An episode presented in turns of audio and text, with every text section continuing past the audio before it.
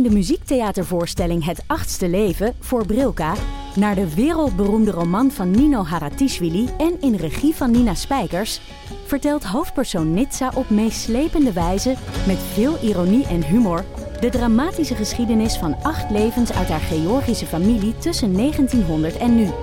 Een hartverscheurend en tegelijk troostrijk drama verteld vanuit het perspectief van vrouwen uit verschillende generaties. Waarbij het publiek meegenomen wordt op een emotionele, visuele en muzikale reis door de 20ste eeuw. Koop je tickets voor het achtste leven via oostpol.nl. Luister jij al naar de podcast Co en Zo? Ik ben Rick Paul van Mulligen. Ik ben Nina de Lacroix. En samen met jouw man René voeden wij twee kinderen op in twee huizen. Co-ouderschap. We hebben het over alles wat je daarin tegenkomt. Maar ook over de juice tijdens onze kinderloze dagen, want die heb je ook in het co-ouderschap. Een podcast voor alle ouders in alle vormen, maar ook voor alle mensen zonder kinderen. Zijn we eerlijk, heerlijk herkenbaar. Dus luister naar Co en Zo in je favoriete podcast-app. Dag fenomenen en levende kunstwerken, maar ook dag grijze muizen. Welkom bij Damn Honey.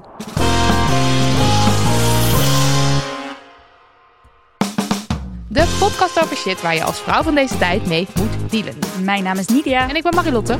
En na de bijenaflevering en de aflevering over trans zijn en sporten, gemaakt door onze geliefde oud-stagiair Melissa, is dit yet another zomer special. Oftewel een aflevering waarin we de dingen even helemaal anders doen. Compleet anders. maar wel, zoals altijd, met flink wat schwoen. Schwoen. Ja, we gaan het vandaag in deze nou ja, vakantie, de vakantiespecial hebben over een vrouw die ons allen hier in de studio mateloos fascineert. En eh, nou ja, vol zat met swoon. Namelijk Muze, Mythe en Mysterie in één, Mathilde Willink. Voor de luisteraar die geen idee heeft, blijf toch vooral aan de lijn. Want wie zij was en is nog steeds en wat er zo bijzonder aan haar is, wordt allemaal haarfijn uitgelegd door onze gast, die mijn fascinatie voor Mathilde deelt. Ze schreef de biografie Mathilde en weet dan ook alles, nou ja, bijna alles, over Nederlands bekendste muze. Het is Lisette de Zoete. Welkom. Hoi. Hoi. Hallo. Dat ik hier mag zijn. Ja, heel erg leuk dat je er bent. En we zijn buurtjes. Dat is ook nog eens Ja. hartstikke Ja, leuk. we zijn met z'n allen buurtjes Ja. hier. Ja, gezellig. Eh, mijn fascinatie ontstond door het luisteren van de podcast eh Mathildes Mysterie, heet die. Nou, ik heb het echt gebinged. Ehm, die podcast richtte zich vooral op haar mysterieuze dood toen zij 39 was. Eh, daarom dus ook even een trigger warning. Die is wel op zijn plek. Want ik ga ervan uit dat we het over zelfdoding gaan hebben. Of in ieder geval dat het ter sprake komt in dit gesprek. Ehm, Lisette, erg leuk dat je er bent. Wat maakte jij zo in de banden raakte van Mathilde? Dat was al heel lang geleden. Heel lang Heel geleden. lang. ik heb kunstacademie gedaan. Dat was eh, van 1999 tot 2003. En daar raakte ik wel een beetje... Ja, daar, daar zag ik Mathilde voor... Ja, ik zag haar daar, kunstgeschiedenis en alles. En eh, ik vond haar zo fascinerend. En ik dacht, ja... Weet je hoe zij daar staat? En Zij zo sterk. kunstwerk. Ja, en, en, en even, kijk, we zijn, we zijn nu buren en helemaal eh, oud en proud en weet ik veel wat allemaal. Maar toen zat ik op mijn zolderkamertje in Soest nog thuis wonen. Kom je uit Soest? Ja, ik kom ik uit kom Soest. uit Baarn. Oh, mijn god. god, heb je op het Gifland gezeten? ja. ja, ik ook. dat meen je niet. Nou, Oké, dat even Ja, terzijde. echt. No, nou, ja. Geweldig, ja. Dus Je ja, zat daar op nou ja, dat een kamertje. hele andere situatie. En dan Ja. zie je Mathilde en dan denk je echt van wow. Zij staat daar, weet je, zo excentriek en, en, en zegt wat ze wil, is wie ze wil. Zo'n krachtige vrouw. Ik vond zulke soort vrouwen heel fascinerend. Ook zelf nog eh, in de closet. Dus ja, dan kijk je helemaal zo rond of zo. Ook, eh, Ja. ja. Nina Hagen vond ik ook helemaal geweldig. Marten Reuning, die kunstenares. En allemaal excentrieke types. Ja. En Mathilde, ja. Nou, we gaan zo dus uitgebreid door op je fascinatie. Eh, maar we hebben nog iemand in ons midden. Nog een mede-fan. Het is de cultuurvlogger himself. Een man die zich continu onder, tussen, boven, naast, in kunst en cultuur begeeft. En zich bovendien, net als Mathilde, dagelijks in bijzondere creaties kleedt. Zoals ook zoals vandaag. nu. We gaan hier sowieso nog even een foto van nemen. Nou, dan nog iets wat niet relevant is voor deze aflevering, maar wel gewoon heel erg leuk. Eh, hij is ook de host van de onvolprezen podcast Allereerste Dingen, die hij samen maakt met Mion Nusseling. Eh, het is Marco Dreyer. Hallo. Oh my god. Hallo. Hallo. Ja, van de jij bent dus ook onze buurman, zowel onze buurtjesbuurman als onze kantoorbuurman. Ja. Waar jij gaat, daar gaan wij. En andersom. en wij vertelden op kantoor van, nou, we gaan een aflevering met Lisette maken over Mathilde Willink. En jij was meteen zo, yes! Yes, dit moet er komen. Wat heb jij met haar? Ja, mijn, ja, mijn moeder maakt regelmatig de vergelijking met Mathilde en mij. Ehm, mijn moeder komt uit uh, is Amsterdam, maar ik kom zelf ook uit Amsterdam. Mijn moeder is nu 61, dus die komt wel uit de periode dat Mathilde ook gewoon hier uh, in de rond uh, liep. En nou ja, ik werd vroeger ook gepest. Ik was, ben ook altijd best wel uitgesproken geweest met kleren en zo. En dan kan je je als kind best wel alleen voelen soms. Of Ja. onbegrepen. En mijn moeder liet dan wel eens gewoon foto's zien. Ze zei, oh ja, vroeger Mathilde Willink. En zij was een soort kunstwerk. En dan liep ze en dan keek iedereen naar haar. En dat vinden mensen fantastisch. En dat was voor mij een soort van... Oh, later komt er een periode in mijn leven... Dan vindt iedereen wat ik doe fantastisch. En dan word je een soort Mathilde. En dan word je een soort Mathilde. And Ja, you have arrived. nou ja. En nu ben ik een soort kunstpromotor in allemaal een soort... Nou ja, oké. Kunstzinnige kleren. Ja. Zelf ook een kunstobject. Ja. Ja. Nou, je zit hier vandaag vanda eh, vooral als kunstkenner, Ja. als cultuurkenner. eh, maar ook een beetje als mede-host van de aflevering, heb ik het gevoel.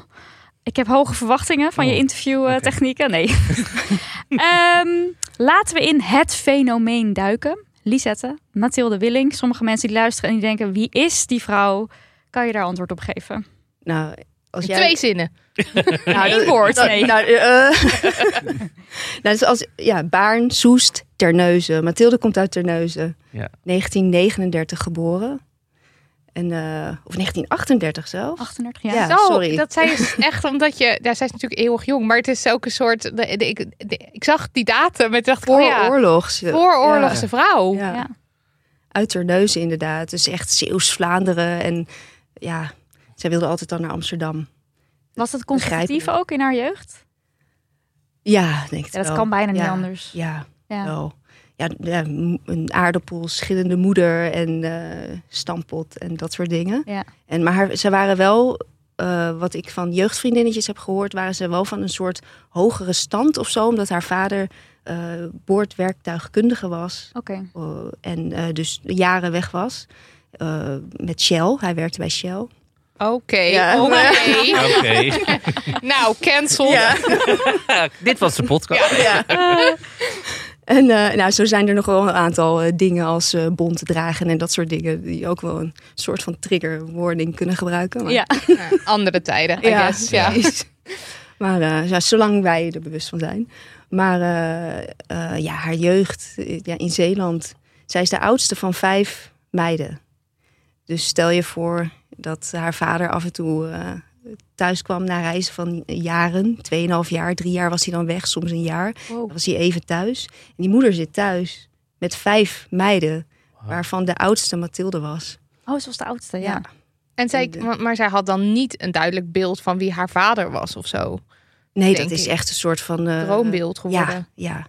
Ik stel me dat zo voor van, van die vader is weg en die komt dan, hij kwam dan thuis met allemaal cadeaus uit China en, en weet ik veel waar die allemaal geweest was. Allemaal mooie stoffen en zo. En hun buurvrouw, die maakte daar dan jurkjes van. Ah. Zou dat een soort eerste, Ja, Ah, Ja, soort- ja. denk. Ik, dat denk ik echt. soort Dat, eerste liefde ja. voor de mode, Ja. voor Aziatische... ja, Stoffen, stoffen. of, ja. ja.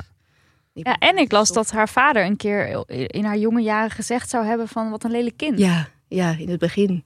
Dat is ook zo'n zo'n verhaal, zeg maar. Ik heb het natuurlijk ook van eh, horen zeggen. Mhm. Maar in, haar zussen zei dat ook, dat het het eerste was wat eh, haar vader zei toen hij baby Mathilde zag. ja. Ik kan me er voorstellen dat dat diepe indruk heeft Ja. gemaakt. Niet per se, ik weet niet of zij het bewust gehoord heeft, maar als het een verhaal is wat rondgaat, Ja. dan weet zij dat. En daar, dat heeft indruk gemaakt. Ja, Lijkt mij. Het is niet leuk. Nee. Misschien dat het eh, mede heeft gespeeld in hoe ze zich later is soort gaan profileren. of Of ja, of Ja. soort over de top. En als ze Ja. me dan toch lelijk vindt, dan ga ik maar mezelf laten zien en zelf er iets moois van maken. Of Ja, zo. ze deed ook altijd wel haar eigen ding ook. Maar ze, wat, ze was ook heel erg driftig. En ze was echt aan het afdingen bij haar moeder ook. Van, nou, ik eh, heb nieuwe schoenen gezien, maar die zijn duur. En ze ging altijd winkelen in België en zo, Gent Mhm. en, en allemaal. Ging ze op haar racefiets heen met limonade. Want ze ging toch ook heel vaak echt schreeuwen op de grond als ze iets Ja, ja, kreeg of ja. zo? Ja. Ging ze afdwingen bij haar moeder. Van Ja. geld moet ik hebben. Dat, dat zei haar oudste, of de, de zus die na haar eh, is geboren, zeg maar. Ja. Die wist nog het meeste. Die zei, nou soms was ik echt bang voor Mathilde. Want dan liet ze zich op de grond vallen of van de trap afdonderen. En dan was het Ja. echt van, ik moet geld, want ik moet die nieuwe schoenen. En die Maar dat moeder was was dan echt bang. het eind van de wereld voor haar als ze dat dan niet kreeg. Ja, Ja. ja.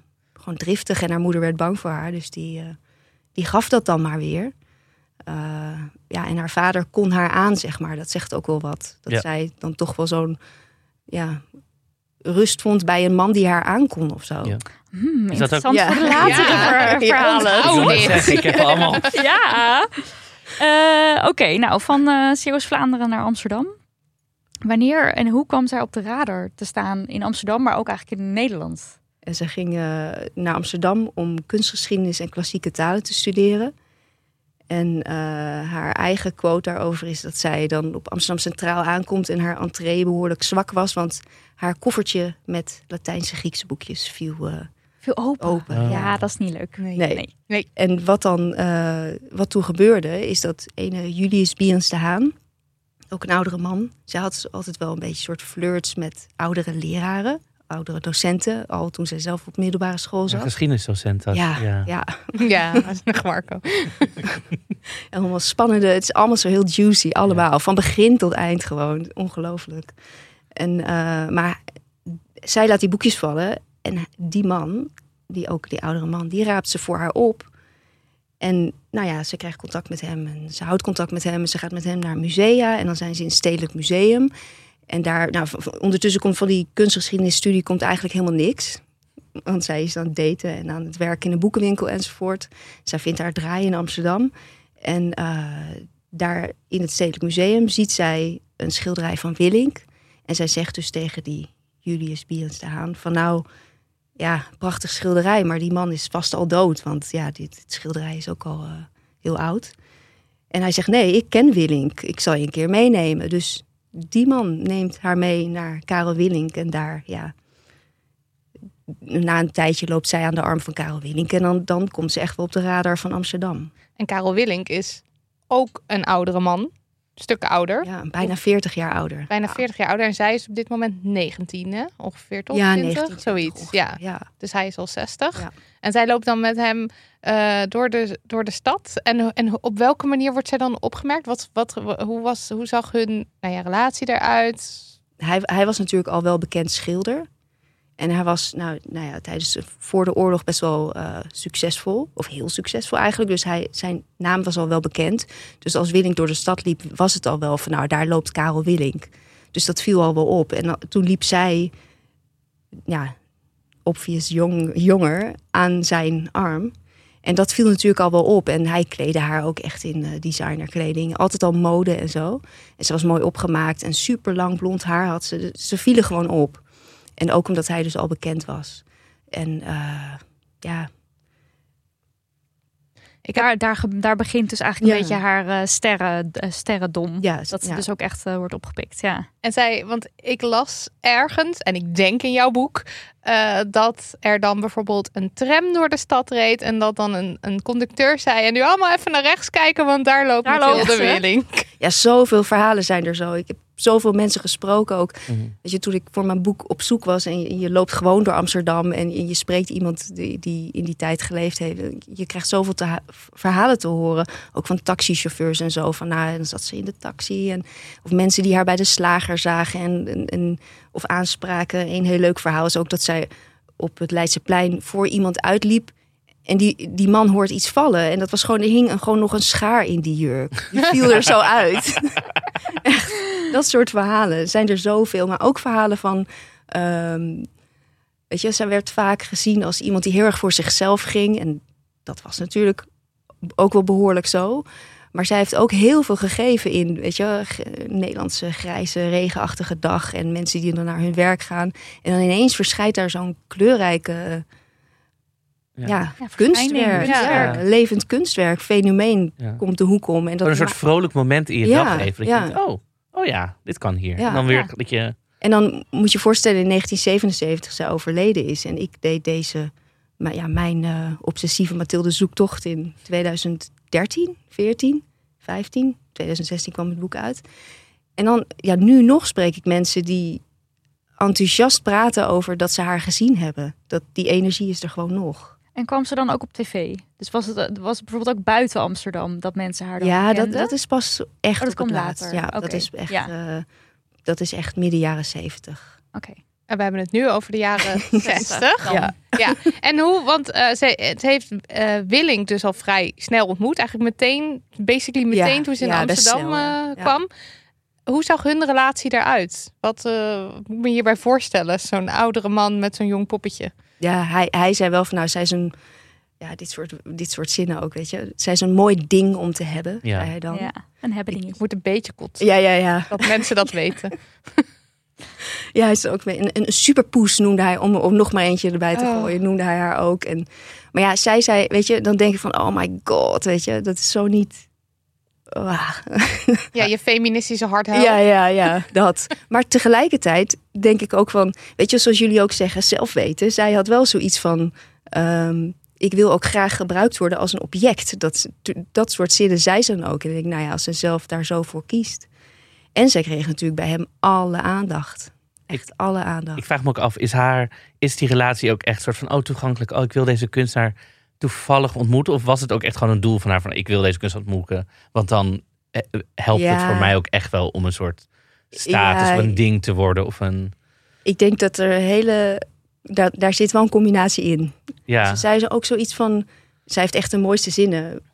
Ja, de echt de mooiste Ja. zinnen. Hoe ze zich uit in interviews en, en dat soort. eh, dat ze ook zei van. Nou, ik ben, ik ben zo bewust onberekenend dat het weer berekenend wordt. Dus, Ja. Oh, wauw. Oké, ja. Dat is eentje om over na te denken. Als ik dan, Een want zij is op, op latere, daar zullen we het misschien zo nog over hebben, na die scheiding weer, is ze ook naar New York gegaan in hetzelfde hotel waar Salvador Ja, Dali zat. ja, om zijn ja. partner, te, snap je? Maar dat Maar mislukte. Ja, Dat mislukte. Ze ging bewust daarheen Ja. om hem te ver maar dat is niet meer onbewust. Nee. Nee, dat, is is maar niet. daarom vraag ik me Ja. dit ook af. Was dit ook onbewust of was dit ook een soort... hmm, Maar Ja, ik heb nu voor het eerst eh, twee weken geleden, drie weken geleden, de eh, schilderij van Willink gezien. Ik had die nog nooit gezien, maar dat, dat is omdat de schilderijen van Dali hadden, leken wel een beetje Mm, op Willink, ja. toch? Dat heeft ze zo bedacht. En Ja, magisch ze- realisme. Ja, inderdaad. precies.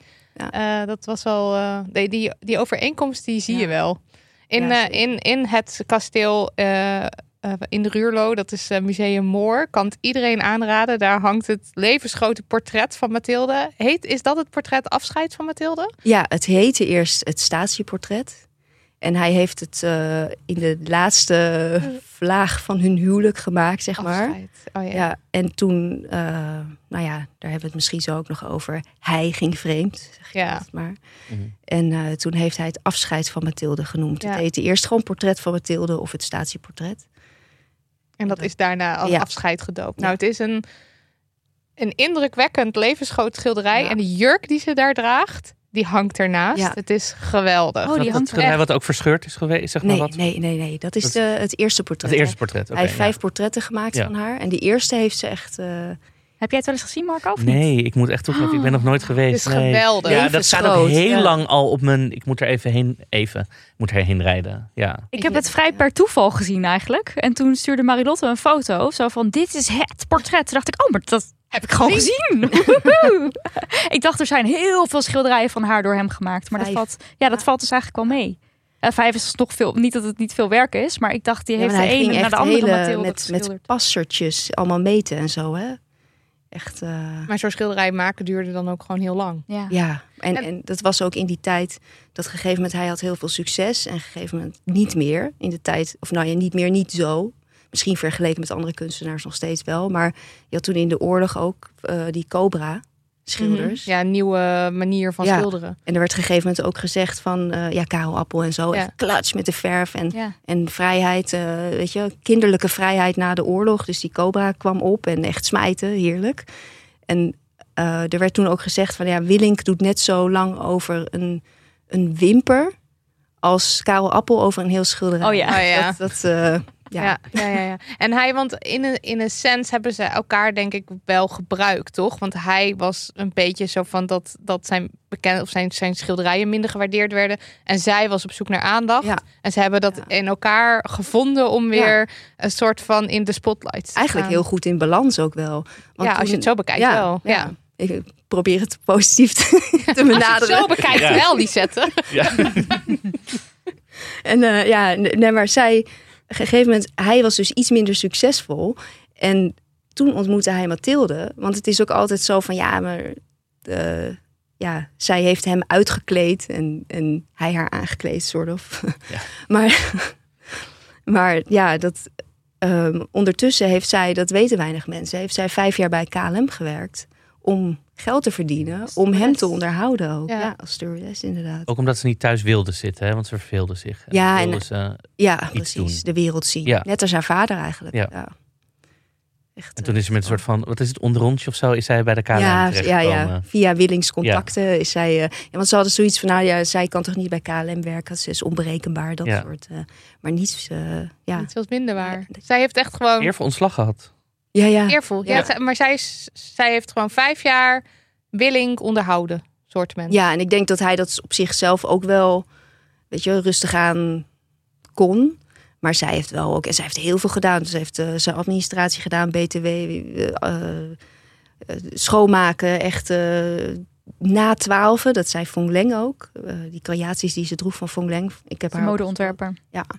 En zij zei van, eh, ja, voor twaalf was het echt eh, het huiselijk leven en eh, schoonmaken en schrobben en eh, de In de ochtend dan, zeg maar. Ja, Ja. En eh, in, in het pantietje en Ja. eh, verder niks, weet je wel. En hij schilderen. en dan de, na twaalf was het eh, creatie aan. Of eerst, nou ja, voordat ze Fong Leng ontmoette, had ze nog andere fashion aan, zeg maar. En dan was het buiten. Paraderen. Ja, precies. Ah. Want wat droeg ze dan? Want je noemde net al Fong Leng. Wat is die relatie tussen Mathilde en Fong Leng? Dat was, eh, zij, eh, Willink en Mathilde ontmoeten elkaar in begin jaren 60, 63 ongeveer, 62. En nou ja, daarna gaat Mathilde bij KLM werken enzovoort. Daarna trouwen zij pas, want ik dacht ook, eh, heel veel mensen zeiden ja, waarom ging ze niet meteen trouwen? Want dat mocht, als werkende vrouw mocht je dan dus blijkbaar niet. ja, tuurlijk. waar. Ja. het werd pas Ja. in 1956 afgeschaft. En het werkt zo dubbelop in het, in het kloterige oordeel naar Mathilde, naar Mathilde toe. Zo van, nou ja, eh, weet je, zij eh, niet trouwen en wel gebruiken, dat soort opmerkingen. En, en Ja. ook nog een keer, eh, weet je wel, zo dubbel op. Terwijl ze mocht gewoon niet Nee. getrouwd zijn. Oh, maar wacht. Het was in 1956 afgeschaft. We zitten nu ietsje later. Maar dat is natuurlijk niet meteen toen die wet erdoor was... dat iedereen het maar goed vond. Dat vrouwen die nog werkten ook mochten trouwen... en dan nog steeds mochten werken. Dus het was een ook voorstellen doorwerking dat KLM nog een soort regeling had van, oh, dan niet of zo. Ja, geen getrouwde vrouwen op onze Ja, of zo, ja. ja. want dat is niet aantrekkelijk waar. voor die mannen. Ja. Die. Ja. Zo erg. Ja. ja. Oh, man. Dit is een aanname. Die Dit is een aanname. Maar het zou kunnen. Ja, maar dat past ook wel een beetje bij Mathilde, een soort eh, dingen. Zo mysterisch. eh. Ja. Maar daarna ging ze trouwen en op een gegeven moment, nou, zij loopt ook wel heel mooi in, in, in, eh, in ja, mode en zo. Eh, en gegeven moment lopen zij door de PC Hoofdstraat en zien daar eh Fong Leng die voor haar nog te openen winkel staat. Ehm, en zij zegt, ja, Willink, Mathilde. Zij kenden hen niet, maar wel vanuit het straatbeeld, zeg maar. Van, komen jullie bij de opening?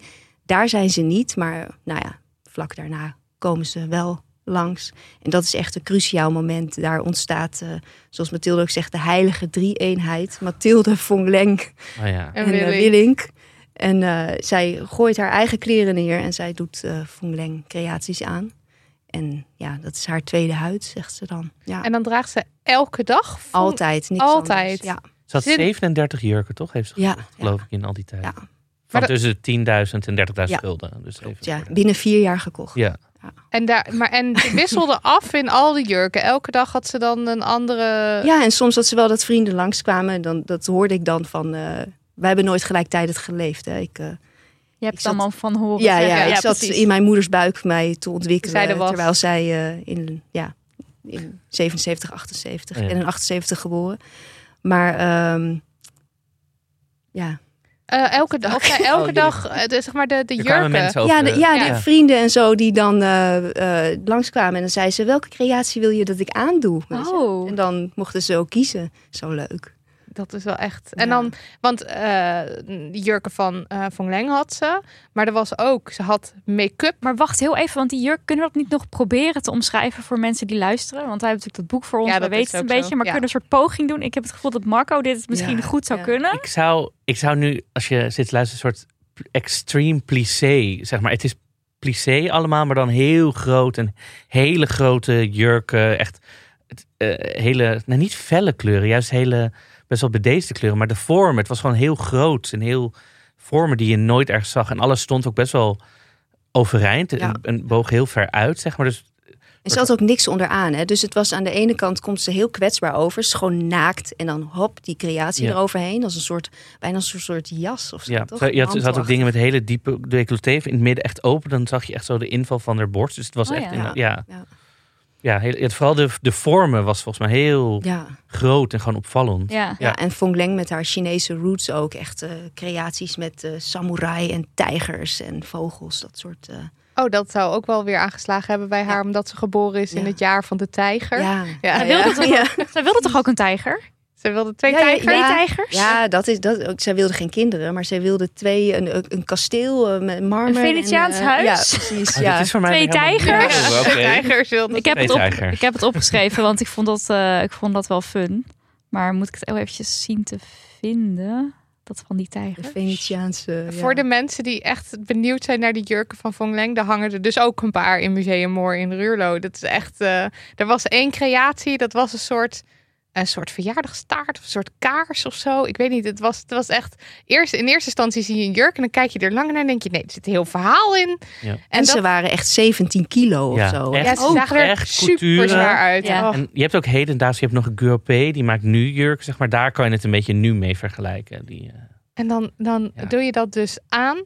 En dat is dan eigenlijk je bezigheid Ja. die dag. Is Ja. die jurk de, aan iedereen. Tentoonstellen. En ze Laat zei ook, het zijn sterke schouders die de wilde kunnen dragen. Oh, Ja. vind ik ook mooi ja. hoor. Ja, ja. Ik heb ook wel eens van die interviews gehoord van haar, waarin ze zichzelf de hele tijd met, met, de, met de dijken van Zeeland Ja, ja. vergelijkt. Ook van, eh, Ja, De dat, dijken dat is niet, eh, nadat zij eh, ja. behoorlijk was gedumpt. ja, maar dat vind ik ook zo'n mooie gezegde van haar. Dat ze zich de hele tijd met de dijken van Zeeland, ja, ja. op in welke gemoedstoestand zij was. Ja. Ja en ook, ook dat ze zei van... Op een gegeven moment is er een interview met eh, de roddeljournalist van de tijd, Henk van der Meijden, behoorlijk telegraaf rechtse hoek, over Calvinistisch eh, gesproken. Mhm. en hij zegt dan ook heel van, eh, nou je ziet er wel weer uit als een etalagepop, zegt hij dan.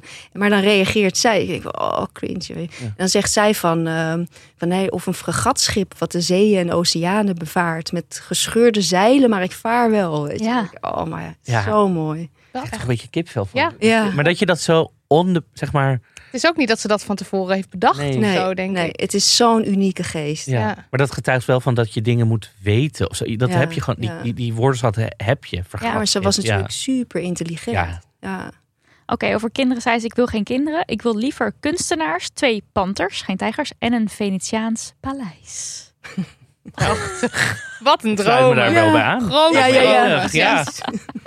En eh, Dan oké, de make-up. dan de make-up. Want daar is ook een heel Veel verhaal over over te vertellen. Ja. ja, ver voordat je felle kleuren kon kopen ook en zo gewoon. Eh Willink maakte die make-up zelf. Ze had altijd al wel veel make-up op, maar dat werd steeds extremer. Ze had al wel een gouden eyelinertje eh, toen ze bij KLM werkte en extra wimpers en zo. Eh, maar op een gegeven moment heeft eh Karel Willink heeft zelf met pigmenten die hij gebruikt ook voor zijn olieverfschilderijen, heeft hij haar make-up ge- ja, gemaakt.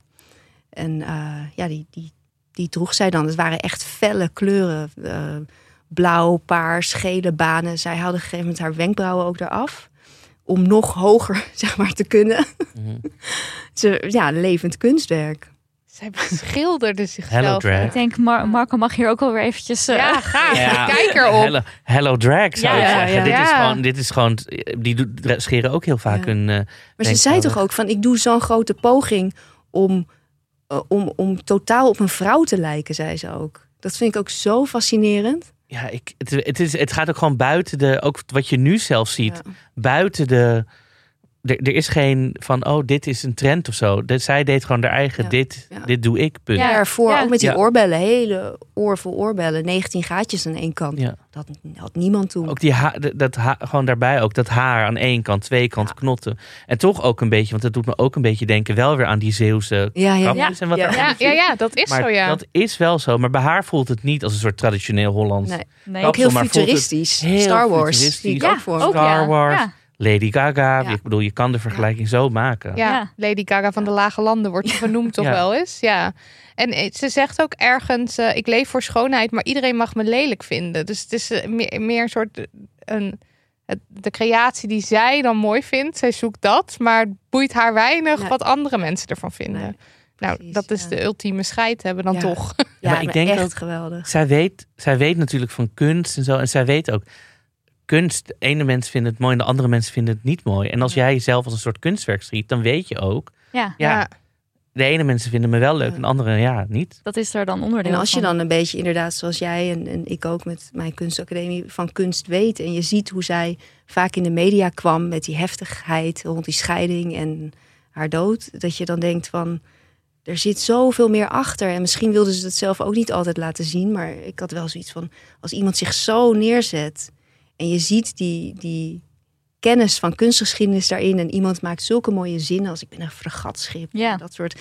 Dat, daarom had ik ook zoiets van, nou, ik wil ik wil een boek over haar kopen. Dat heb ik tien jaar gedacht tot ik dacht, nou ja. Kan maar zelf. Dan maak het zelf wel als Ja. het niet bestaat. Ja. hey, maar die make-up nog heel even daarover. Dat fascineerde mij ook. Zij bracht dat aan en dan bleef het ongeveer drie dagen zitten. Ja, ja. Daar sliep ze dan ook gewoon mee. ja. En dan droogt het een beetje in. Met en een zonnebril op. Ging het weer. Oh, met een Ja, zonnebril? ja, heel recht lag ze. Oh ja. Dat zei Imke Marina, was een, de zangeres Imke Marina was een goede vriendin van haar. Ja, dit Ken- las ik. Ja, Dat geweldig. Zo. Ja, als een geisha, zei ze. Ja. Heel strak. Ja. Zodat het netjes bleef. En de vlechten, daar las ik ook nog wat bijzonders over. Want ze had dus twee eh, vlechten die je dan ja, in, in haar haar er eh, een soort extension-achtig. Als eh, zij naar de Noorse kapper ging, ja, als ze naar de Geofferd kapper ging, door zat ze daar Noorse zelf niet bij, inderdaad. Ja, Offert door Ja. Dit is toch fantastisch? de, de Het is toch gewoon, wie Ja. verzint het? Ja. Ja, dit, ik, ja. Maar zou je kunnen zeggen van je hebt nu natuurlijk ook wel veel mensen die eigenlijk ehm, ja, beroemd worden om hun uiterlijk of, of een beetje de influencerhoek. Ja. Zou je het daarmee kunnen vergelijken? Ik kan me wel voorstellen als zij nu leefde, dat ze echt totaal daar zat. Ja. Dat ze dus Ja. echt een soort meer een, een socialite was om. Ja. Ja. wat is het? Een soort it, it girl of zo. It girl. Maar, het, Ja. ja. maar het voelt wel, als ik het vergelijk met de mensen van nu, dat zij echt wist wat ze aan het doen is en ergens voor stond. En niet, eh, oh, Er was deze geen ruimte. trends of zo. Er was geen ruimte, meedogenloos. Zeg Ja. meedogenloos mezelf zijn. Maar je ziet ook aan hoe kort ze heeft geleefd. Dat heeft ook daarmee te Ja. maken. Maar het was toch ook dat ze met mensen afsprak en die zeiden: Oké, zullen we dan afspreken? Dan kom jij om eh, 12 uur. Dan ga ik je schilderen. En dan kwam zij gewoon om een uur of half vijf zo. Dat ze gewoon, ik kom wanneer ik kom. En dat het licht dan helemaal niet goed was of zo. En zij deed gewoon, het is haar leven. En, zij, en iedereen draait daar maar omheen. Ja, als zij ook binnenkwam bij mensen die zaten tv te kijken, gezellig Hollands in de woonkamer. In tijden van eh, nog geen flatscreen, dan eh, ging zij op de tv zitten. Dat kan dus nu niet meer. Zo van iedereen kijkt naar tv, ik ga op Nu de tv mij. zitten. Ja. Ja. Maar haar missie was gewoon in het middelpunt staan. Ja. Of het nou dus. Ja, je zou het bijna een soort performance art kunnen Ja. noemen. Haar Om leven te kijken ook. Ik zou haar echt een levenskunstenaar willen Ja. noemen. Ja. Haar leven is een kunstwerk. Terwijl ze zichzelf niet als kunst, ze zag zichzelf als kunstwerk, maar niet als kunstenaar. Nee. Tegelijkertijd, inderdaad, heb ik ook die fascinatie. Als je kijkt in de tijd van eh nou, die jaren zeventig had je Henk Juriaans. Ik weet niet of jullie hem... eh, Nee. Weet je, Marta Reuling, een heel bekend Nederlands kunstenares. Eh, een van mijn grote voorbeelden ook. Echt een geweldige, excentrieke vrouw. Zoek haar op. Wacht, hoe heel heet toffe... Reuling. Marta Reuling, ja. of Marte Reuling. Sinds mijn Ja. 17. Zij heeft me heel erg gestimuleerd om in de kunst weer... eh, ja, echt heel tof. En Marta Reuling kende haar ook uit de kunstscene van de jaren 70. En Marte, die leeft, leefde met haar man, Henk Juriaans. Maar Henk had meerdere vrouwen. Dus zij zijn, eh, ja, er vier vrouwen en één man, zeg maar. Henk Juriaans stond in die tijd, in de jaren 70, als levend kunstwerk in het Stedelijk Museum Oh, een paar uur per dag. En dan kon je naar hem toe gaan, dan kon je hem een kus geven... of je kon hem, kon hem kijken of hem natekenen. Hij was levend kunstwerk. En je hebt, in die tijd had je ook die- performance art met Marina Abramovic. Abramovic. Ja, ik wist niet dat we Nederlandse mannelijke en, variant eh, hadden daarvan. Ja, Ja. de appel. Henk en, Juriaans. eh, Henk ja. Juriaans blijkbaar, ja. Ja. Hij is echt geweldig. Ja. Maar zij zag zichzelf dus niet zo.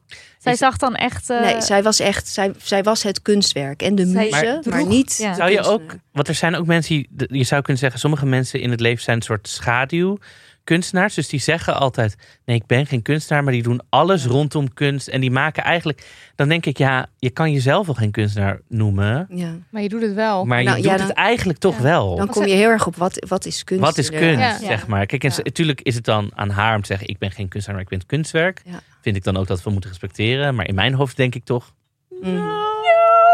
Ja, zij, zij ging ook Ja. heel erg om met Anton Heijboer op het Ja. laatste. Toen na die breuk met Winning kwam ze bij Heijboer. En Heijboer, zijn hele leven was kunst. Dus hij zei ja, alles ehm, wat ik aanraak. Dus als ik, eh, als ik eh, twintig kwasten vast heb, zoals hij deed, en dan in de inkt en wap over het papier, dan is dat kunst, omdat, omdat ik, kunstenaar ik ja, ben. kunst. Ben, ja.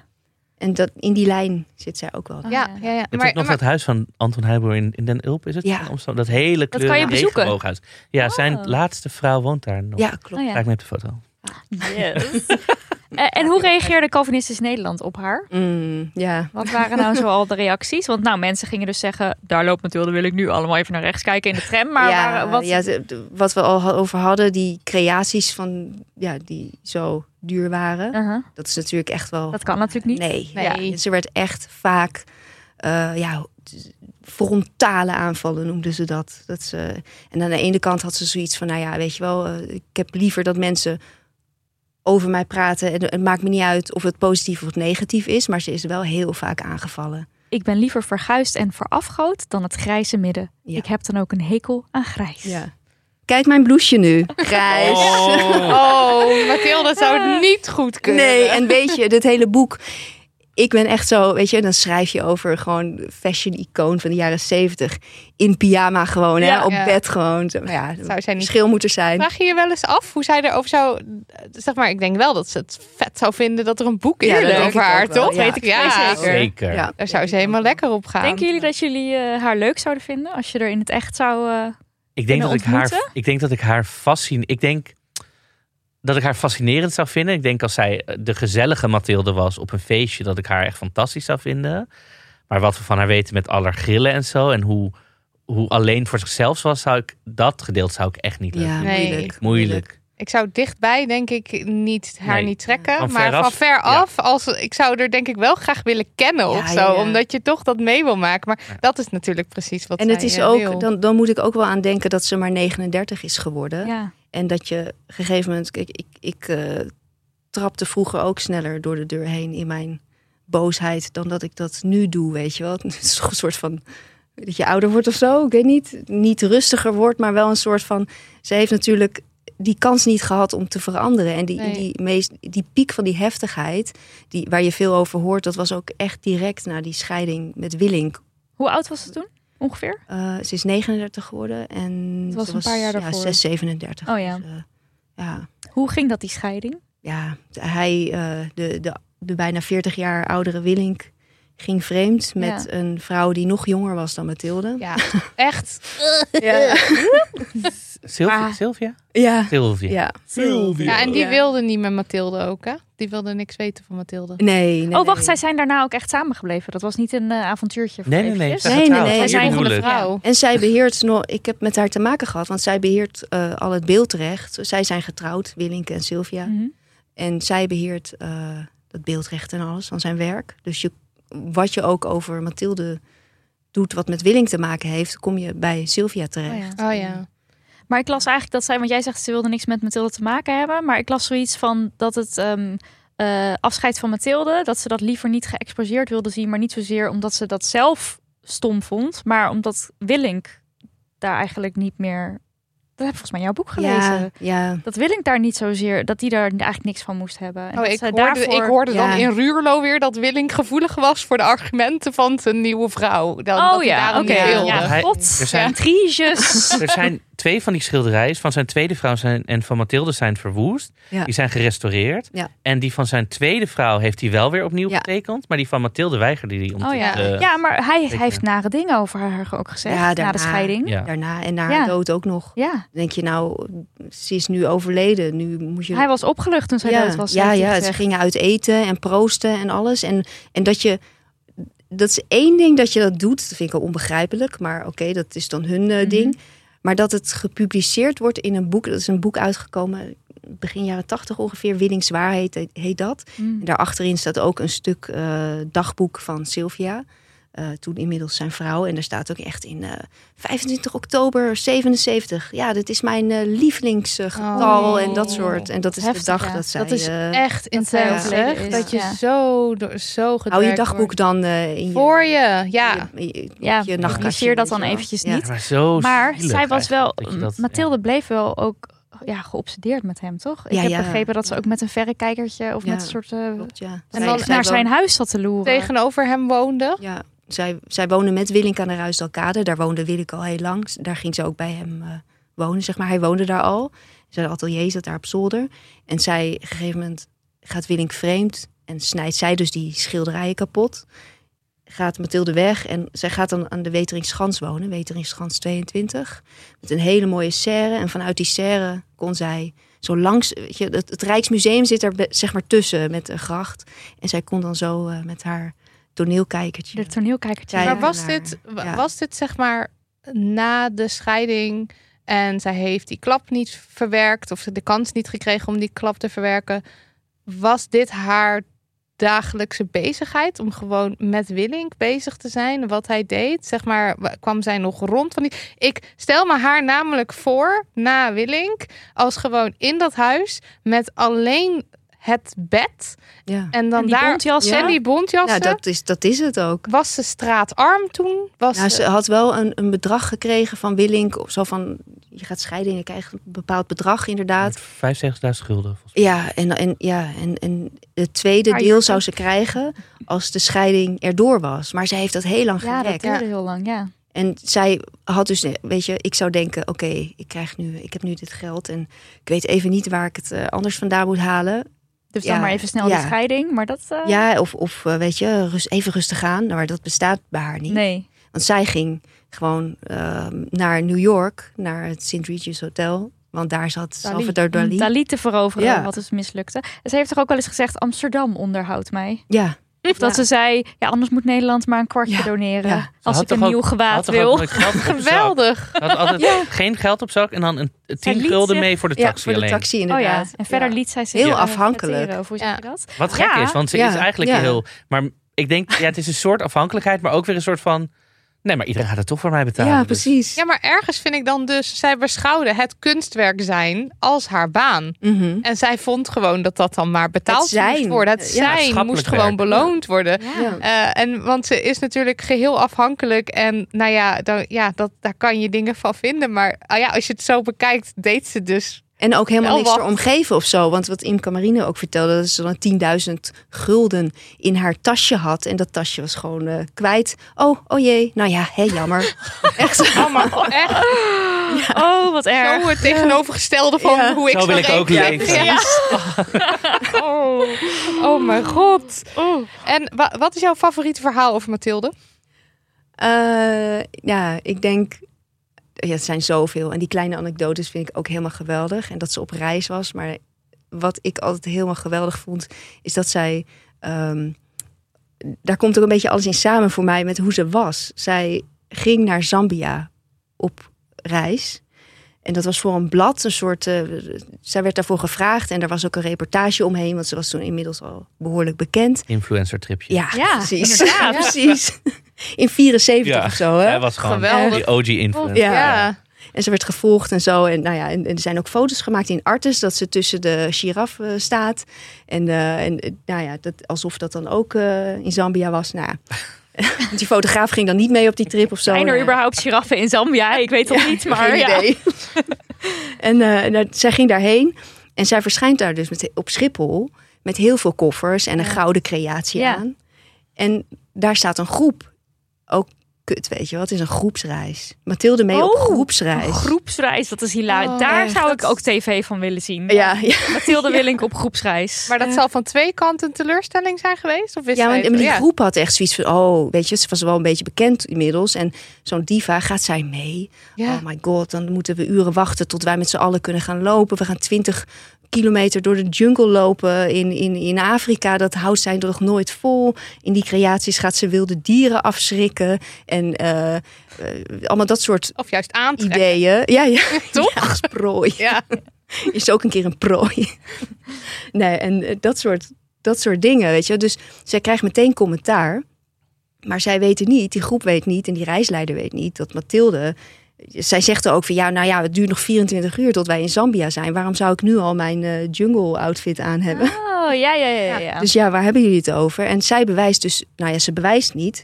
Ze is het tegendeel, zeg maar. Dus zij die mensen weten niet dat zij een mega conditie heeft. Dat zij, eh, weet je, als ze allemaal om zeven uur op moeten staan. Die mensen denken, ja, moeten we op de diva gaan wachten. Maar Mathilde staat om vijf uur op om haar make-up en haar haar te doen. Dus mensen hoeven helemaal niet te wachten. Weet je, zoals bij KLM ook. Ze was altijd stipt op tijd. En eh, ja, die stewards die ik gesproken heb, die met haar gewerkt hebben, die zeiden ook, ze was perfect. Zo netjes, altijd op tijd. Geen probleem. Echt perfect. En dat is met die groepsreis dus ook. En mensen hadden allemaal vooroordelen. Ja. En het tegendeel wordt gewoon bewezen door hoe zij is. En aan het eind van die reis is zij de meest krachtige. Heeft zij, weet je, ze weet het meest van bomen en dieren en, en al dat soort. eh, en die groepsleider zegt dan zo van, nou geweldig eh, dat je mee was. En, eh, en heeft zij zoiets van, ja, ik heb echt zo'n gevoel van alsof ik een soort debiel was. Die, Ja. die, die dan toch zich goed heeft gedragen en zo. Maar mijn conclusie is, ik ga nooit meer op groepsreis. Oh, dat heeft ze ervan Ja. geleerd dan. Ja. Ja.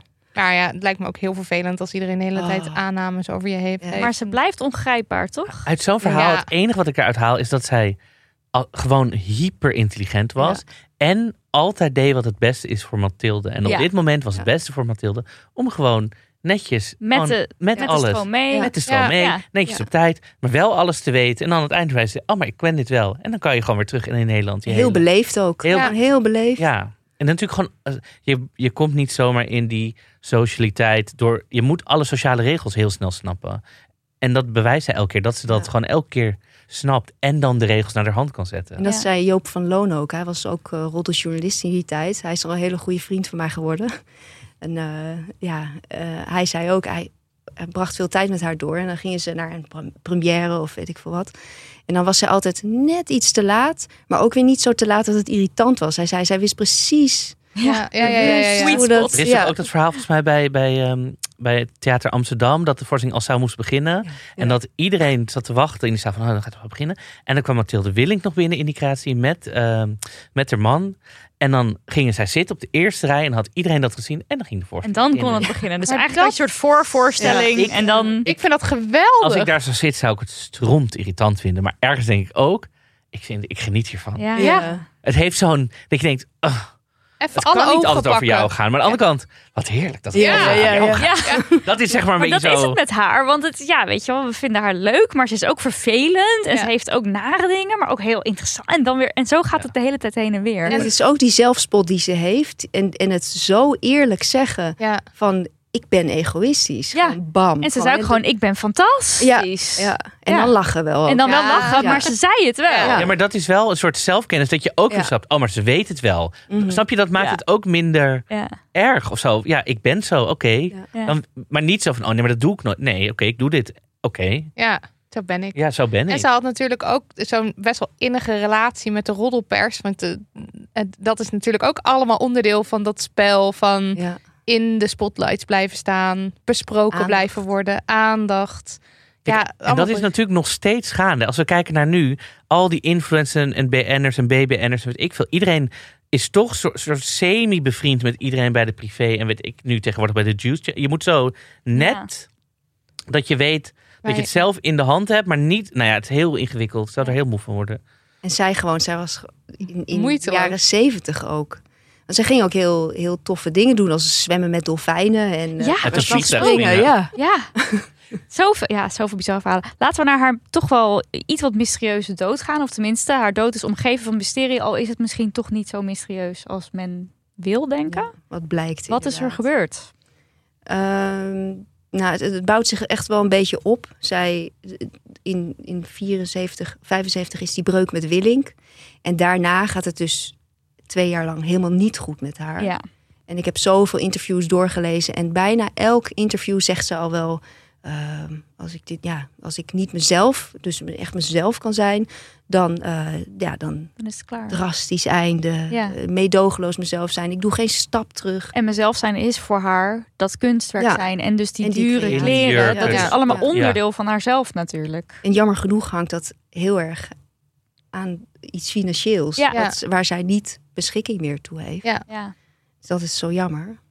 Maar eh, nou ja, Willink gaat vreemd. Zij snijdt die schilderijen kapot. En daar heeft ze zo'n schuldgevoel van dat zij, ze- dat zij het huis uitgaat. En Willink zijn atelier teruggeeft. dan gaat ze op de Weteringschans wonen. Maar ja, ze is een beetje, nou ja, wat ze zegt, dat fregatschip, maar wel zigzaggend. En ja, zo leeft zij ook. Ze gaat heel veel reizen. Ze is een beetje, ja... Verloren. ja, inderdaad. Ja. En, en eh, ja, Amsterdam onderhoudt haar inderdaad. Ja. Overal en nergens. Heel veel interviews ook. Ja, heel veel. Ja, Echt heel veel heb ik er gezien. En, het is een soort surrogaat. eh, ja. Ook Ja, elk aandacht. cultuurprogramma Ja. dacht, oh, wie, alsof het was, elk Ja. cultuurprogramma, oh, wie zullen we nu eens interviewen? op de Ja. Oh, radio. Mathilde, Ja. nou, kom maar weer voor je verhaal doen. En dan, En het meeste ook onbetaald. Hè? Ja. Dus het is heel veel aandacht die ze krijgt. En ze is op, dan echt op de top van haar bekendheid. Mhm. En ondertussen heeft ze eigenlijk geen geld meer. En het geld dat ze heeft gehad van Willink, ja, dat heeft ze. Ze is gaan reizen, ze is naar Dali gegaan. En Zo dat op. is, eh, Ja, dat is op. ja, dat is, ja, dat is gewoon op, inderdaad.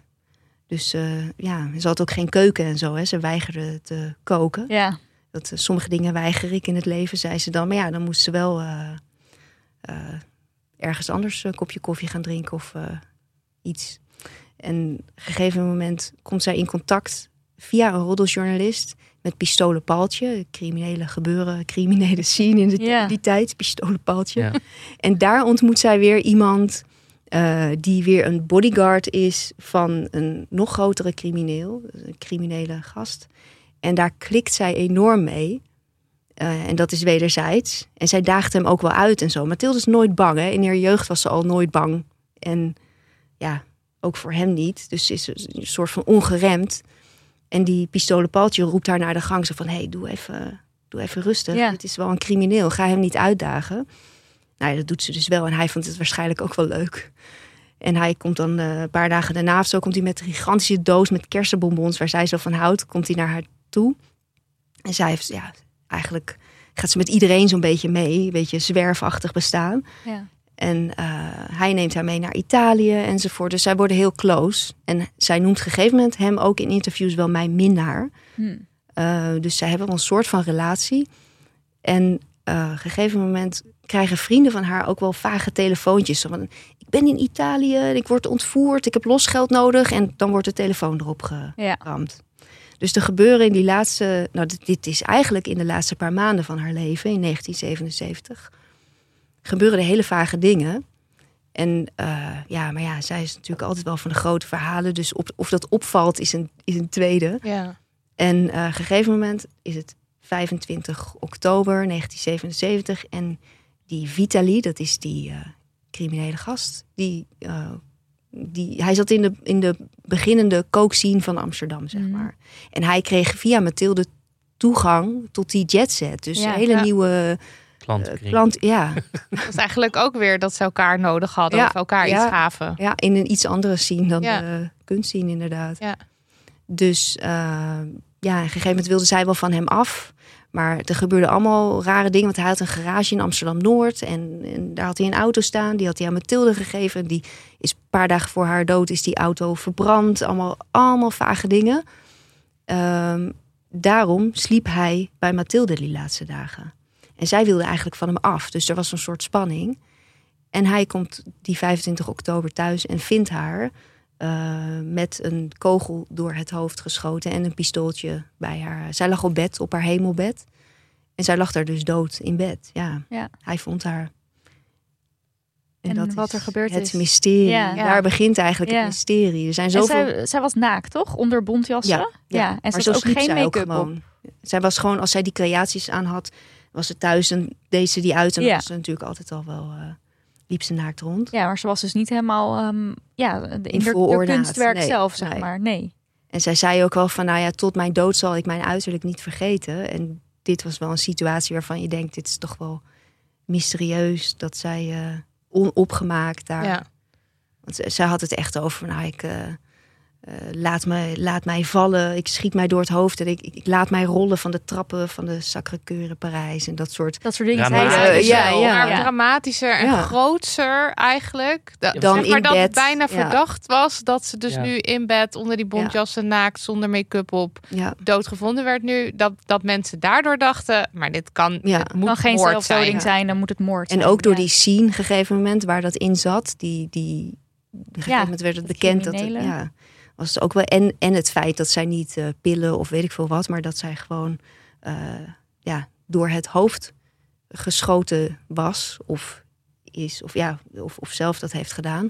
Dat is natuurlijk ook best wel een soort ja, specifiek eh, wat aan moord doet denken. Ja. Ja, maar ik vind het ook wel weer theatraal allemaal. Mhm. Ja. Ze zegt ook in één interview, ik hou heel erg van, ik vind de liefde heel fantastisch, maar ook de dood.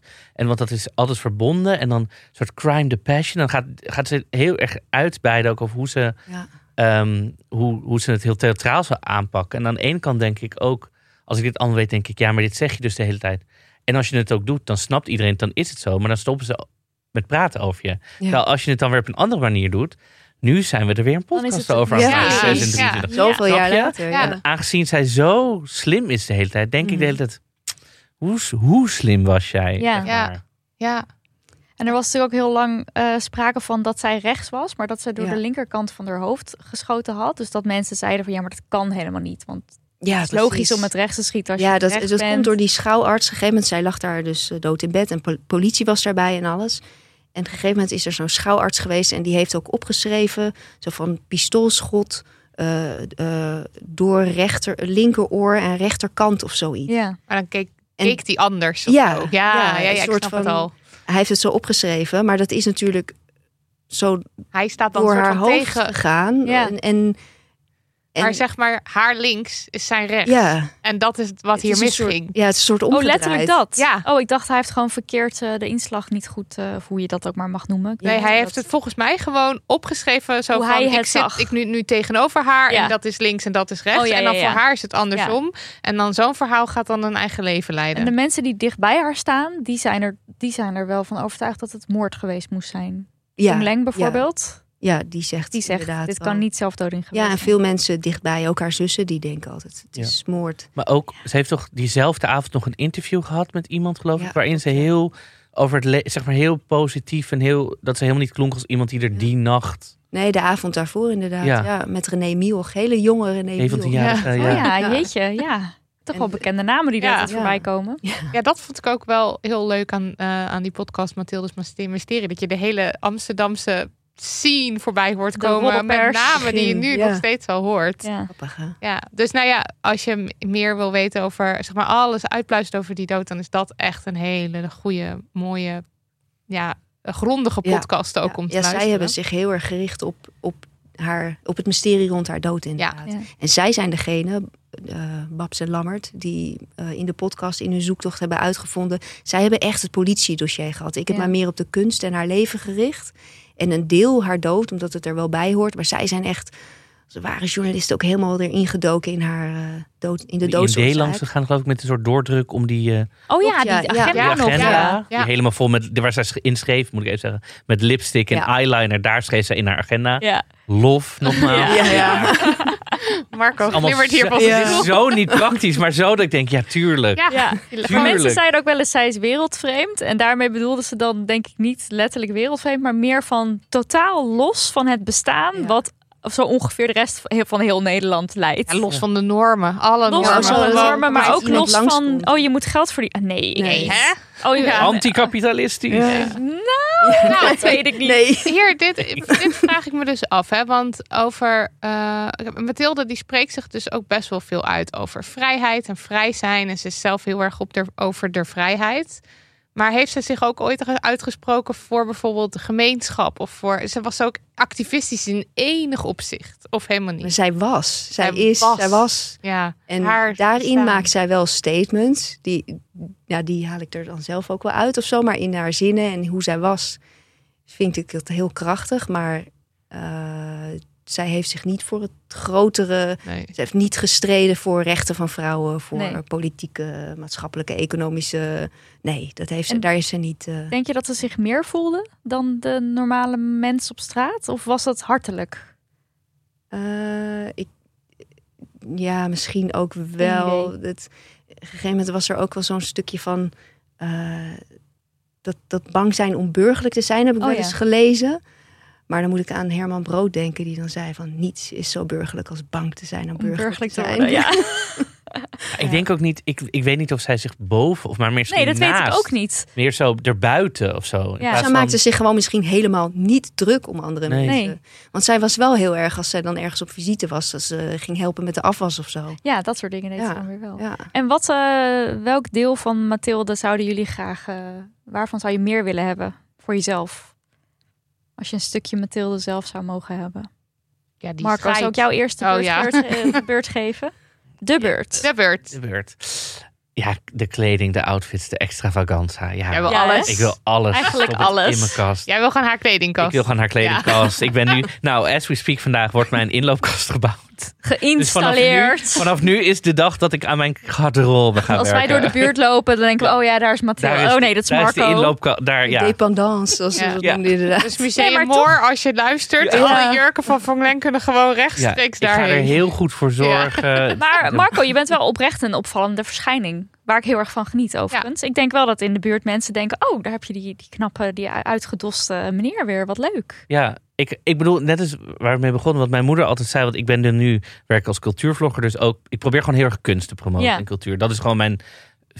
Ik ben alleen maar bezig met kunstenaars promoten, kunst promoten, mensen meer naar het museum enzovoort. Maar dan gaan we, zoals laatst gingen wij naar het Rijksmuseum, dan denk ik ook, oké, wat kan ik aandoen? aan, ja. En dan heb ik ook een stuk van een designer. Nu zit ik dit vertellen, denk ik, oh my god, Jesus. Maar Ja. dan heb ik ook een stuk van een designer wat soort van opvalt. denk ik, oh ja, toch meer. Ik heb al een stuk Mathilde Je meegenomen. hebt dat helemaal ja. geïnternaliseerd. En ook iemand, dan, daarna komen we, komen we echt Ja. bij jou, Lisette, met wat jij van haar wil meenemen. Maar ook iemand bij ons in de buurt waarvan ik ook denk, dat is ook iemand waarbij iedereen eventjes omkijkt. Dat is Sabine Staartjes. ja, Ja. absoluut. En dan moeten mensen Ja, ook maar even gaan googelen. Maar zij heeft ook Postjes altijd weg, toch? extravagante Ja. outfits. Postjes weg. Postjes weg, weg, haar ja, winkel. inderdaad. En ook, ja, geweldig, heerlijk. Nou ja, een van de andere mensen die ik ook in Amsterdam is Aynouk Tan. Die ook heel vaak Ja, in de inderdaad. enorme neon tulle jurken met Ja. feesthoedjes door de stad banjert. En dan denk ik ook, ja, dit is ook, die, is ook met, die heeft ook een missie. Ja. We hebben toch ook die mensen nodig die op straat een Ja. beetje die je eventjes drie keer om laten kijken Ja, en denken, ah, Je Ja, ziet het. dat We hadden je. laatst de stringskater in Amsterdam ja, die overleden. Heel Ja. Amsterdam ging. We hebben dat nodig. Dat is, ja. je hebt gewoon... Dat was een man die dus in zijn, eh, in zijn string skate door de stad. En die ja, eigenlijk elke Amsterdammer Blijf. gewoon ja. kent. Maar gewoon als een vorm van dit kan. Ja. Punt. ja, Ja, En daarom punt. doe ik dat was het, ja. En, en, het is, en het is echt een banding, want iedereen weet wie die is. Ja. En je hebt het er even over. Of Ik inderdaad, zag hem vandaag nog. Dat zeg je dan even. ik zag hem weer. Ja, Oké. Dat is het. Ja, en Ja. leuk. Ja. Ja. En dat blijft dus ook zo lang, die verhalen ook. Zo van meer dan 40 jaar geleden dat ze overleed. En mensen nog steeds over hebben van... oh ja, ik zag haar toen lopen. Wauw. Ja. Oh, Ja. Zo'n moment. Echt een ding. Ik zit nu te denken, ik moet eigenlijk eens aan mijn ouders vragen. Want die hebben niet in Ja, Amsterdam. ook aan te maar of denken. zij dat mee hebben gekregen eh, vanuit Amsterdam, wie zij dan was. Ja. Eh, Ik ben heel benieuwd. Ja, ik ben ook Ja. benieuwd. Want mijn vader is in hetzelfde jaar geboren. Dus vind ik leuk om te vragen. Die, die, Ja. Het is gewoon een leeftijd. Mijn moeder was misschien nog net een beetje jong of zo. Omdat dan weet ik niet. Maar goed. Lisette, wat zou jij willen meenemen van eh Eh, zoals ze praat vind ik geweldig. Oh Ja. ja. de mooie, de, Ja. de zinsconstructies. Ja. Ja, de Ja, woordkeus. en dan, en dan ook het op dat moment kunnen zeggen. Kijk, in, in mijn boek heb ik denk ik ook best wel poëtische, geschre- poëtisch geschreven. Maar zij was ook gewoon... En ze was ook zo eerlijk in alles wat ze zei. Gewoon bam. En dan ook Ja. niet eh, rekening houden met gewoon zijn. Ik denk Ja. dat dat echt... eh, En ik wil eigenlijk ook nog wat toevoegen over de manier van praten. Dat heerlijke accent wat Ja. ze heeft gehouden. Wat eigenlijk nooit weg is gegaan. Dat Zeeuwse. Ja. Dat vind ik ook heel mooi. mm. Dat vind ik echt, ja. Ik, weet- ja was natuurlijk ook mooi. iets waarmee ze zich kon onderscheiden in Amsterdam. Maar ja, wat, ik, wat je nu heel vaak ziet is als mensen van buiten de stad naar Ja. Amsterdam komen. Dat ze een soort ABN gaan praten. Of hun, ja. hun, hun accent van buiten de stad verliezen. Of dat gewoon niet meer willen laten horen. Van ik kom uit de regio. Terwijl ik geniet daar gewoon heel Ja, erg van. ja. Ja, vind ik, ja, bij haar vond ik dat ook heerlijk. Gaan we naar de hamvraag. En de afsluitende vraag. Kunnen we haar als een feministisch icoon zien? Lisette, ik ben heel benieuwd wat jij zegt hiervan. Want jij hebt hier al... ja, maar Je kan hier ja. echt duizend kanten op met Ja. Mathilde. Ja, precies. En ik echt als feministische icoon... Mathilde is echt een icoon. Mhm. Maar ik denk niet een feministische icoon. Nee, hè? Nee, ik- nee. En ik zie wel dingen erin waarvan ik denk hoe zij zich uitliet over, eh, weet je, hoe zij leefde gewoon. Van, van nou, ik, ik, ik wil geen kinderen en daarom en ik pas me ook niet aan omdat het moet of, of in een systeem. Of zij was ook, zij stond echt boven alle systemen of zo. Zij leefde een soort mythe en niet een soort menselijke laag of zoiets. Zij was de kunst, een soort verheven.